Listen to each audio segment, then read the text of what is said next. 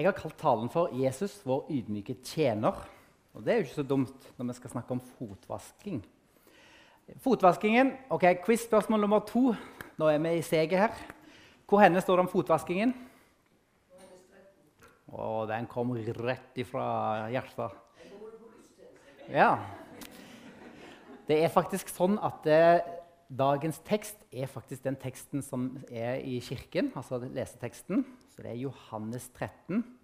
Og Johannes evangeliet det, eh, det ble spurt en forkynner da, hva er din favorittekst. Altså din favorittbok i Bibelen. Vet du hva han svarte? Det er, det er som regel alltid den siste han har lest. For da han oppdaget noe nytt i den siste boken. ikke sant? Så blir det så stort. Men mange syns faktisk at Johannes er litt sånn i en særstilling. Johannes evangeliet. Så hvis du ikke har lest mye i Bibelen, så vil jeg anbefale deg å begynne med Johannes evangeliet. Når jeg ble kristen, så skulle jeg jo lese Bibelen, så jeg begynte første Mosebok. Det var veldig interessant. Ja, det var ikke ironi. Jeg syntes det var veldig interessant. Men jeg syns kanskje rådet var veldig godt, som jeg fikk, det var å lese Johannes evangeliet. Og det var ikke bare interessant, men det var veldig interessant. Eh, og Johannes evangeliet det er, det er, litt annerledes enn de tre andre evangeliene vi har. Matteus, Markus og Lukas. De kaller dem for de synoptiske evangeliene, mens Johannes er litt annerledes. Og vi kan si at det, denne teksten som vi skal lese straks, den er altså hentet i kapittel 13, og der skjer det et skifte i Johannes-evangeliet. Johannes-evangeliet er nemlig strukturert sånn at du kan dele den i to hovedbolker. Før kapittel 13 så er det det som de kaller for tegnboken, der Jesus gjør sju tegn og, liksom, og er i dialog med ulike grupper i det jødiske folket. Da. Og så eh, kommer du til kapittel 13, 14, 15, 16, 17 opp til kapittel 20. Det ble kalt for Herlighetsboken av en del teologer. Og Det begynner altså med Matteus, nei, eh, Matteus, Johannes 13. Og nå det, er, taler ikke eh, Jesus til alle mennesker. og sånn, Nå er det disiplene han har samla hos seg. Og så er de på den øvre sal, og så skal de altså eh, og så skal han tale. Og han holder altså den lengste talen Jesus holdt disiplene, som vi kjenner i Bibelen. Den går altså fra kapittel 13 til 16, pluss at han ber i kapittel 17 for disiplene. Og nå har jeg lyst til å lese teksten for dere, kapittel 13, vers 1-17. Og nå leser vi fra Guds ord. Det var like før påskehøytiden.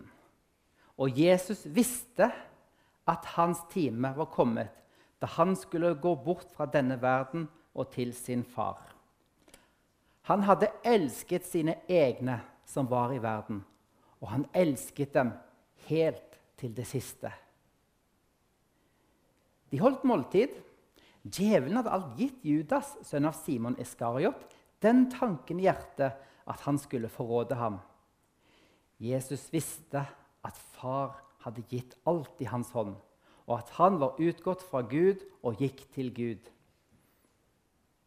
Da reiste han seg fra måltidet, legger av seg kappen og tar et linklede og binder det om seg.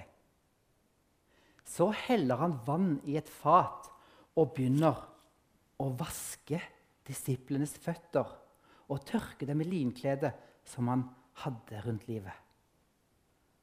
Han kommer til Simon Peter. Peter sier, 'Herre, vasker du mine føtter?' Jesus svarte, 'Det jeg gjør, forstår du ikke nå, men du skal forstå det siden.' 'Aldri i evighet skal du vaske mine føtter', sier Peter. 'Hvis jeg ikke vasker deg, har du ingen del i meg', svarte Jesus. Da sier Peter, 'Herre, ikke bare føttene, men hendene og hodet også. Jesus sier til ham, 'Den som er badet, er helt ren og trenger bare å vaske føttene.' 'Dere er rene, men ikke alle.' For han visste hvem som skulle forråde ham. Derfor sa han, 'Dere er ikke alle rene.' Da han hadde vasket føttene deres og tatt på seg kappen, tok han plass ved bordet igjen. Da sa han til dem, 'Forstår dere hva jeg har gjort for dere?' 'Dere kaller meg mester og herre, og dere gjør det med rette, for jeg er det. Når jeg, som er Herren og Mesteren, har vasket deres føtter, da skylder også dere å vaske hverandres føtter. Jeg har gitt dere et forbilde. Slik jeg har gjort mot dere, skal også dere gjøre. Sannelig, sannelig, jeg sier dere. Tjeneren er ikke større enn herren sin, og utsendingen er ikke større enn han som har sendt ham. Nå vet dere dette, og salig er dere så sant dere også gjør det.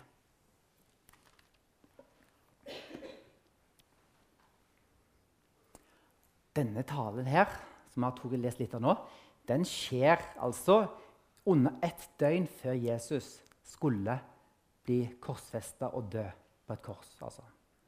Så holder han denne talen. Jeg, det, jeg tenker at det er utrolig. Altså.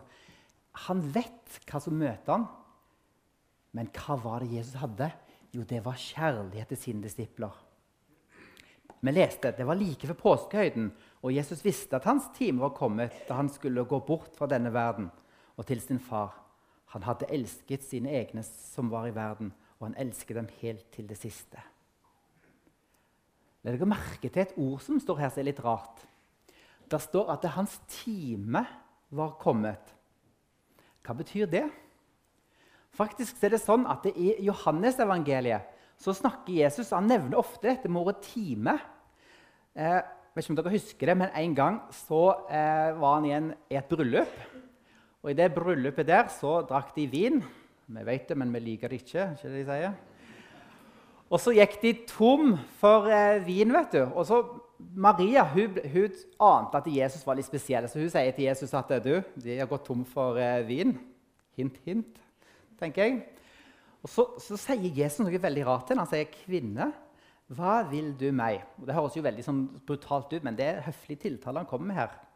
Altså, Kvinne det, det, det betyr liksom madame. altså sånn fin måte, så er det bare, høres litt sånn brutalt ut. Men så sier han til henne, 'Min time er ennå ikke kommet', sier han i, Johannes kapittel 2. I kapittel 7 så ville de gripe han, Jesus, fordi de likte ikke det han sa. Men ingen la hånd på ham. De klarte ikke å gjøre noe med ham. Hvorfor det? Jo, for det står for hans time var ennå ikke kommet. Og Vi ser det òg i kapittel, 20, nei, kapittel 8, vers 20. Da sa Jesus, da han underviste ved tempelkisten, eh, eh, en del ting, og så står det Men ingen grep han, for hans time var ennå ikke kommet. Men i kapittel 12 i Johannes evangeliet så leser vi I kapittel 12 så står det i vers 27 så sier Jesus Nå er min sjel fylt av angst. Men skal jeg si, 'Far, frels meg fra denne timen'? Nei, til denne timen skulle jeg komme. Og vi vet hva time han snakker om. Timen han skulle komme, det var timen der han sonte verdens synd på korset. Det var derfor han kom. Og nå vet Jesus at hans time er kommet, og så holder han denne talen. Det står han hadde elsket sine egne som var i verden, og han elsket dem helt til det siste. Oh, dere har sikkert lest det mange ganger, men Les det en gang til. Han hadde elsket sine egne som var i verden, og han elsket dem til det siste.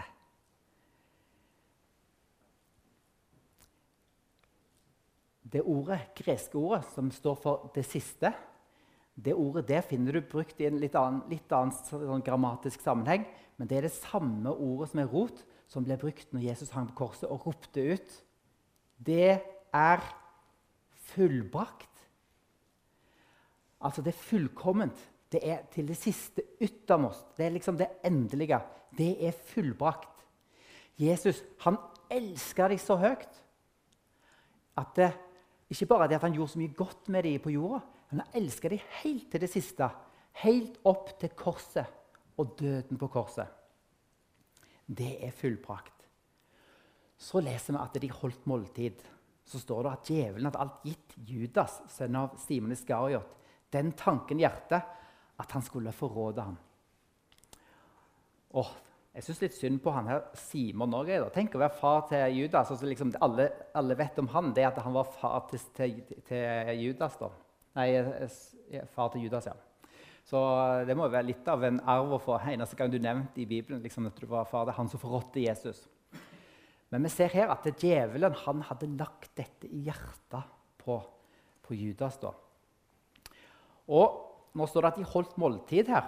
Og så er det litt sånn debatt teologene imellom da, om hva dag er det egentlig at dette måltidet blir holdt på. Nå er vi her på skjærtorsdag.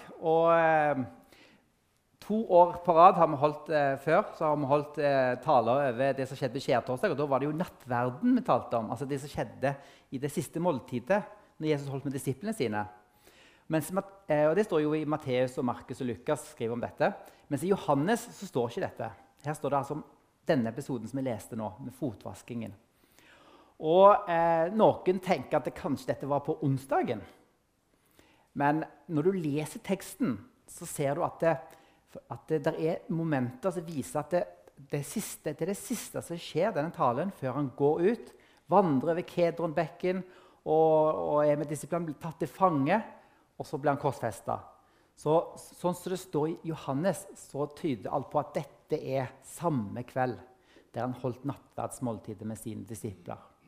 Og vi ser også at Når han peker ut for disiplene hvem det var som skulle forråde ham, så står det også i denne teksten i, i Johannes at han dyppa brød og ga til, til, Judas. Så det er nok mye som tyder på at dette er talt i samme eh, måltid som nattverden. Og Grunnen til at Johannes ikke skriver om selve nattverdsmåltidet, tror jeg, er at eh, han har et litt annet fokus. Og så kjenner vi historien fra Markus, og Matteus og Lukas, som sannsynligvis var skrevet før Johannes. Sånn at eh, Han ville vise noe annet, men han visste at de visste om dette. da. Så Judas, da, som svikta han. Hvor mye, hvor mye, var det han fikk for å svikte Jesus? Er det noen som vet det? 30 sølvpenger, står det. Mm, 30 sølvpenger. Jeg, må, jeg, måtte jo google det da, i vår moderne tid. Det er ikke en ting vi ikke kan få svar på. eller? Skal jeg si? Det er ikke den ting vi kan få skikkelig svar på i dag. Ja, det ble veldig feil å si det sånn. Dere skjønner hva jeg mener. Uansett, 30 sølvpenger det har jeg funnet at det svarer til sånn ca. 60 000 kroner. Er det mye?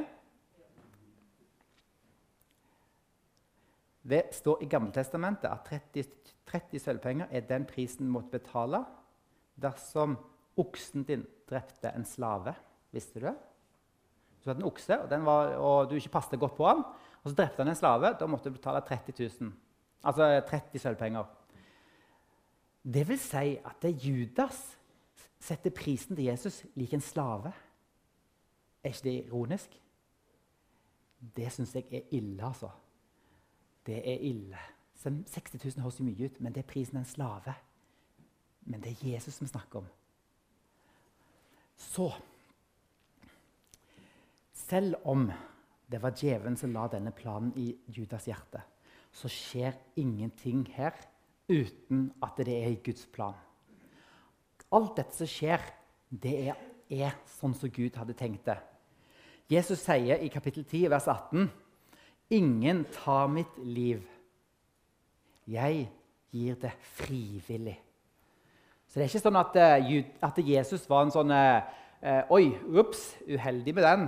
Liksom, eh, det var, å, nå ble jeg fengsla. Det var dumt. Nei, alt var sånn som det skulle være. Og Jesus visste det, og han forteller disiplene flere ganger at han går til Jerusalem, og der skal han bli korsfesta. Eller der skal han bli drept. Da. Og de skjønner ikke hva han snakker om, egentlig. Og det forstår jeg godt at de ikke gjorde. Så sier Jesus eh, Ja. ja. Der har vi kapittel Der står det Jesus visste at far hadde gitt alt i hans hånd, og at han var utgått fra Gud og gikk til Gud. Er ikke det rart? Hva betyr det at far hadde gitt alt i hans hånd? Hva har Jesus fått i sin hånd, egentlig? Men svaret er ganske enkelt.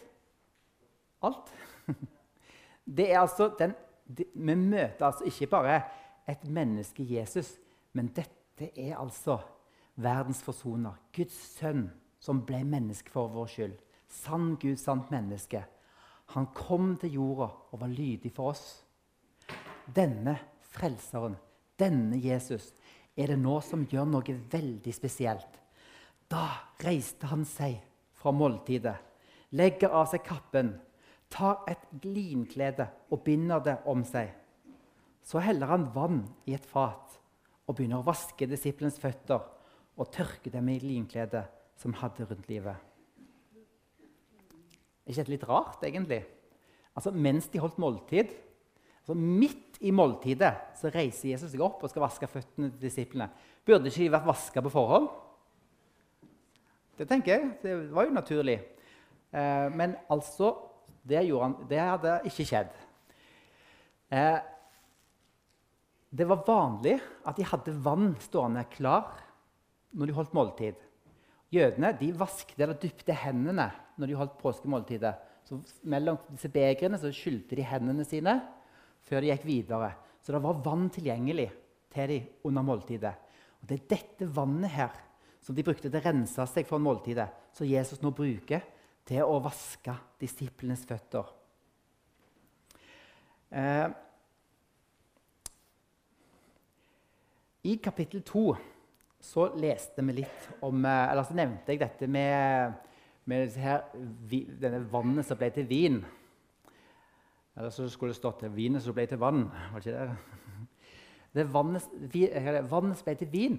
Du, hvor putta Jesus vann, eh, sa Jesus at de skulle putte vannet henne? Oppi noen renselseskar, ja.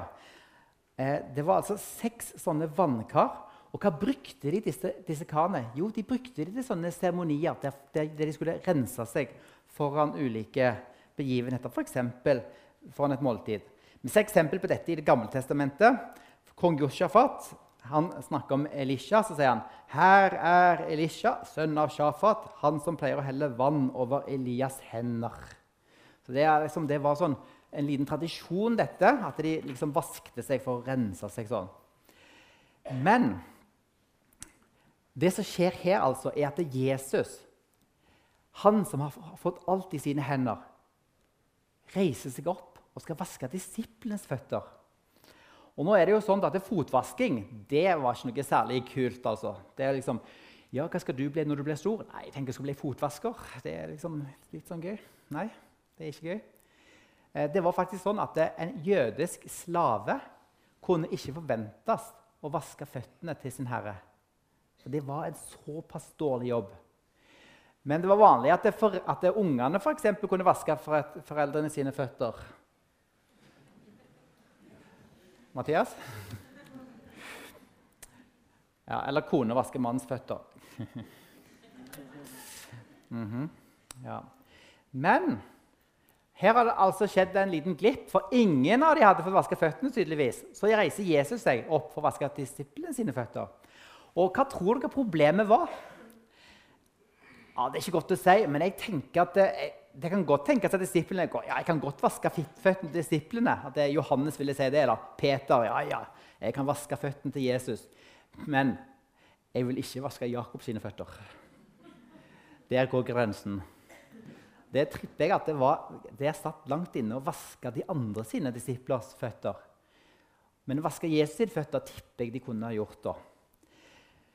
Eh, så eh, du vet det at det, Hvordan så de på Jesus egentlig? Vel, Vi har et lite innblikk i det med døperen Johannes. Hva sier døperen Johannes om, om Jesus?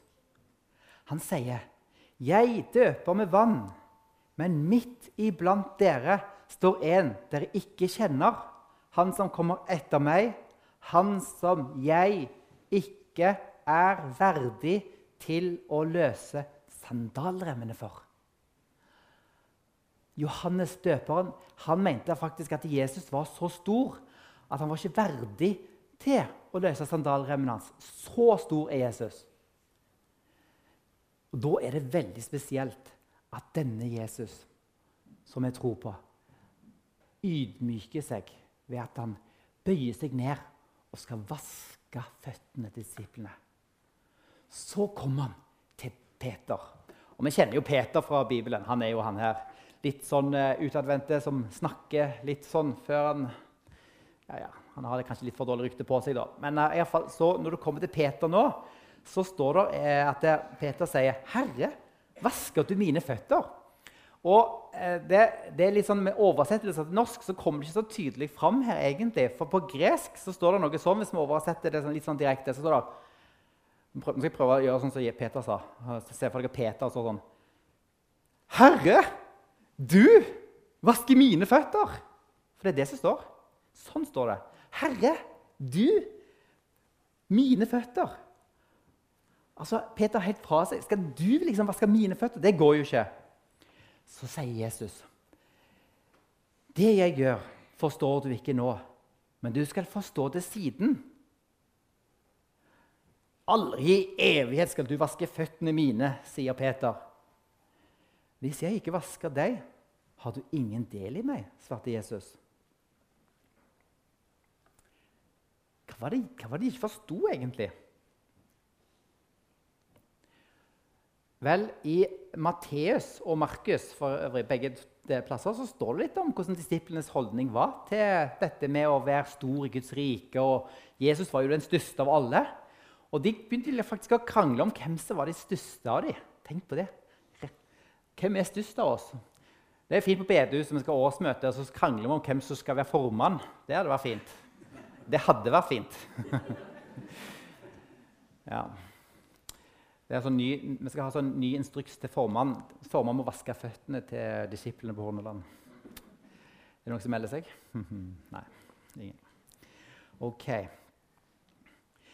Eh, I Saken er den at Jesus han var jo kommet for å være ikke sånn herre som skulle liksom være sånn brå og brutal og liksom være sånn eh, liksom Kreve at vi skulle tjene han og sånt. Nei, Jesus snur det opp ned. For når Jesus kom, så kom han. Hva gjorde han? Han kom for å tjene. I Markus står det for heller ikke menneskesønnen er kommet for å la seg tjene, men for selv å tjene og gi sitt liv som løse penger for mange. Det står i Markus. Og jeg må lese en annen tekst som taler akkurat om dette Jesus snakker om. Det står her, litt liten tekst, men jeg skal lese det. Det er i Filippa-brevet. For Der står det om Jesus, og det oppsummerer liksom alt på en måte. Fra at han, jul, julens budskap til korset. Alt sammen. For Der står det han var i Guds skikkelse og så det ikke som et rov å være Gud lik, men ga avkall på sitt eget, tok på seg en tjenerskikkelse og ble mennesker lik. Da han sto fram som menneske, fornedret han seg selv og ble lydig til døden, ja, døden på korset. Derfor har også Gud opphøyd ham til det høyeste og gitt ham navnet over alle navn.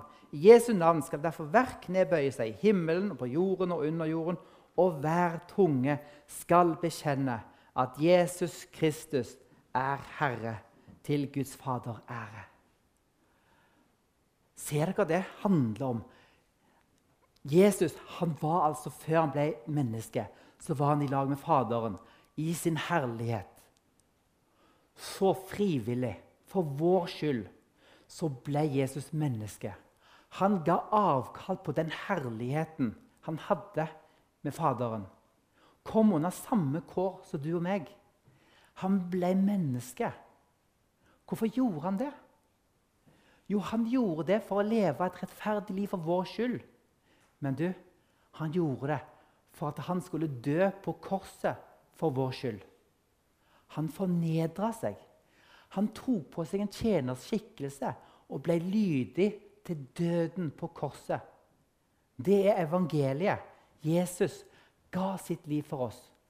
Jesus kom ikke for å la seg tjene, men for å tjene oss. Han kom for at vi skulle ha liv med han, og han skulle gi sitt liv som løsepenger for mange. Så Jesus sa til Peter at hvis han ikke lar, eh, lar seg vaske, så vil, eh, vil, han ikke ha del med meg, leste vi. Eh, vi har nevnt allerede dette med renselser i, i, Bibelen. Nå var det jo sånn da at det, Dere vet hvordan det er. Eh, gjennom livets gang så vi mennesker vi er jo På bedehuset kaller vi det for syndere. Det betyr at vi gjør ting som ikke er så bra. Vi bryter Guds bud. Eh, og det gjør vi alle. Ingen som ikke gjør det. Vi lever ikke et liv sånn som det var planen om å gjøre. Og En måte å beskrive dette på det er at, at vi på en måte blir tilsmussa. Så vi mister fellesskap med Gud. Men så har Gud i sin nåde helt fra starten av planlagt dette og vist oss det nøye gjennom hele historien med tempeltjenesten og alle ritualene. Og Det var altså renselsesgreier som pekte på at eh, Gud skulle ordne det sånn at vi skulle kunne ha fellesskap med Gud på tross av hvem vi er. Så de måtte altså gjennom en del sånne renselser. Og i Johannes kapittel 11 og vers 55 så står det f.eks.: Det var like før jødenes påskefest, og mange dro fra landet opp til Jerusalem før høytiden for å rense seg. Og de hadde all slags sånne, eh, eh, sånne bassenger eller sånne eh, forordninger, sånn at de kunne gjøre disse ritualene da, for å vaske seg. Og faktisk så var det sånn, da, tro det eller ei, men eh, de, når de gjorde dette, så bada de hele kroppen. Og det gjorde de nakne. Og, men de, de, hadde delt mellom kvinner og menn. da. Det kan jeg bare si. Uh. Så de bada seg hele kroppen. Og det gjorde de for at de skulle bli rituelt rene. Det var symbol på at, det, at de, de liksom skulle få vekk den skiten som synden peker på. Og eh, så er det jo sånn da at eh, Så er de blitt rene. Nå har de gjort, gått gjennom disse renselsesbadene. Og så er det jo sånn at det er jo ikke akkurat asfalt i Jerusalem. Som, ja, I dag er det kanskje asfalt. det vet ikke. Er det asfalt, Henriette? Det er asfalt i dag. Men den gang var det ikke asfalt. Da var det brostein. Nei, det var ikke. Det var støvete gater. Ja, det var sikkert brostein òg. Men de ble jo skitne på beina, så de måtte vaske seg. Men de trengte jo bare vaske føttene, for de var jo rene ellers. Så de gikk gjennom gatene. Så Peter han, han er jo litt løyen. da. Han sier, 'Herre, ikke bare føttene, men hendene og hodet også.' Jesus sier til ham, den som er badet, er helt ren og trenger bare å vaske føttene. Dere er rene, men ikke alle. For han visste hvem som skulle forråde ham. Derfor, eh, derfor sier han dere er ikke allerede. Derfor sa han dere er ikke alle rene. Så Denne renselsen her, som, som Peter snakker om altså Jesus snakket til Peter om det at det, Allerede var Peter rein. Men dere vet at gjennom disse her livets gang, når vi går gjennom disse tilsnutte gatene, så kommer det ting på. Og dette taler veldig til oss hvordan vi har det i dag. Nå er det sånn at det, hvis du tror på Jesus som din herre Han døde på korset for deg. Da er det sånn at det, du blir ren og rettferdig. Himmelen verdig. Å, du tenkte på det, jeg vet det. Vet du hva som står i Bibelen? Det står at dersom vi bekjenner våre synder, er Han trofast og rettferdig, så Han tilgir oss syndene og renser oss for all urett. I Kristus, på grunn av verket på korset, så kan vi alle vite at vi har renselse. Vi har tilgang til Gud. Vi er rene. Men så er det sånn da, at vi òg vandrer gjennom livets gater. so to speak. Så vi òg gjør ting som gjør at vi blir tilsmussa. Og da er det sånn at vi trenger hele veien å leve i nåden. Jesus vaska disiplene eh, sine føtter. Det er et bilde på ydmyke tjenesten til Jesus. At han, han bøyde seg ned og gjorde dette. Og Det forteller oss òg at det er Gud han vet at gjennom livets gang så vil vi bli tilsmussa dag for dag for dag. Men Jesus han visste hvem disiplene var. Likevel vasker han disiplenes føtter. Hvorfor gjør han det? Hvorfor gjør han det? Og han hadde elsket sine egne som var i verden, og, han, elsket, og han elsket dem helt til det siste. Så står det da han hadde vasket føttene deres og tatt på seg kappen, tok han plass ved bordet igjen. Så sa han til dem, 'Forstår dere hva jeg, jeg har gjort for dere?' 'Dere kaller meg mester og herre, og, det gjør dere, eh, og dere gjør det med rette, for jeg er det.' Når jeg, som er Herren og Mesteren, har vasket deres føtter, da skylder også dere å vaske hverandres føtter. Er det et ord til oss? Liksom, stemningen var god helt til nå. Nå, det, nå kjente jeg nå droppa det litt der. Du, vi er ikke større enn Jesus. Nei, det er motsatt. Han er den store. Han valgte å gjøre dette.